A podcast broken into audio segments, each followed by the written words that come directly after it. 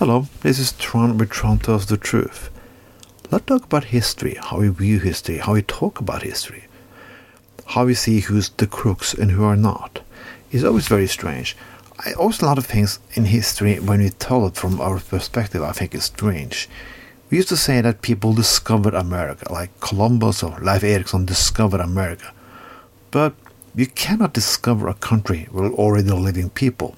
You can mean what you want about the society uh, in different terms, but you cannot say you discovered. Nobody is discovered South America, North America, or Middle America, and so on. There were living people there. You immigrated there, and you brought your culture there, and you made a new society there. It's colonization, not discovery.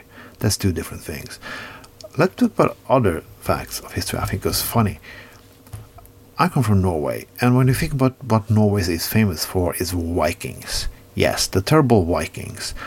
They did a lot of shit. They pillaged, they invaded, and they killed people. But what is hardest, I think, for some history tellers are they sacked churches. Yes, they sacked churches and took gold and killed monks and so on. Not a very nice thing to do. But history, European history, have been violence and violence from its beginning. And people who read a little bit modern history know that a revolution or invasion or wars in Europe never are pleasant. But there are different people. When Christians are doing it, or the other people are doing it. The, the Vikings were not Christian. So we had a, eventually that Christianity came to Norway and the Vikings stopped killing people. Well, it was not like that. The Vikings just did something else, like trading, and then they became Christian. And then we can hold Christianity as a big, yeah, big solution for everything, but it's not. The Christian Europe has been a Europe in fucking poverty. When a little rich elite rules the system and everybody else is fucking poor.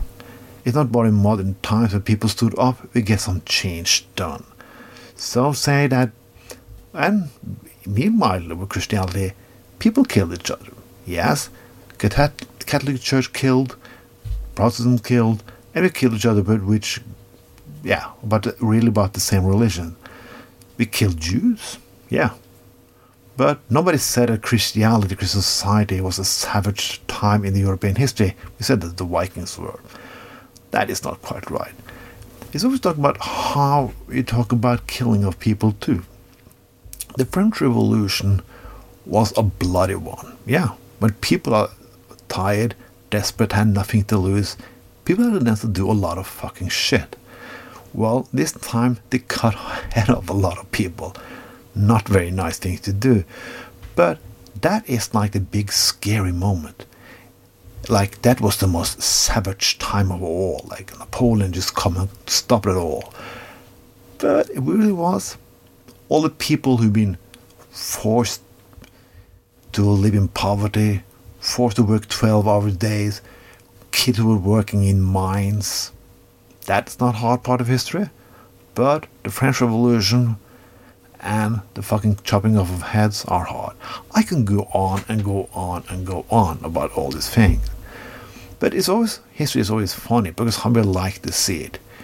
We want to do what the fuck we want, but all other people should not do it. It's like if you're white, if you're Christian, and you're conservative, you can always view history like a big fairy tale that you, you saved the world from everyone else and now they're coming back to fucking haunt you. No, you didn't save the world, and the world is coming back to haunt you. It's coming back to take its right place.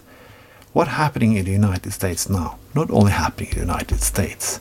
It happened in Belarus. It happened in Hong Kong, and it happened a lot of other places. Yeah, there have been Black Lives Matter protests in Japan. Yes, in Japan and Thailand the world is changing.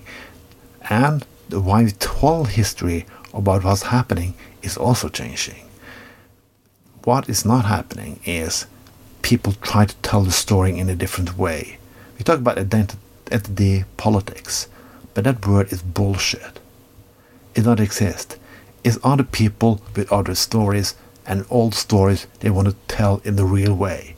That is what's happening. This was Tron Recounters the Truth. Have a nice day.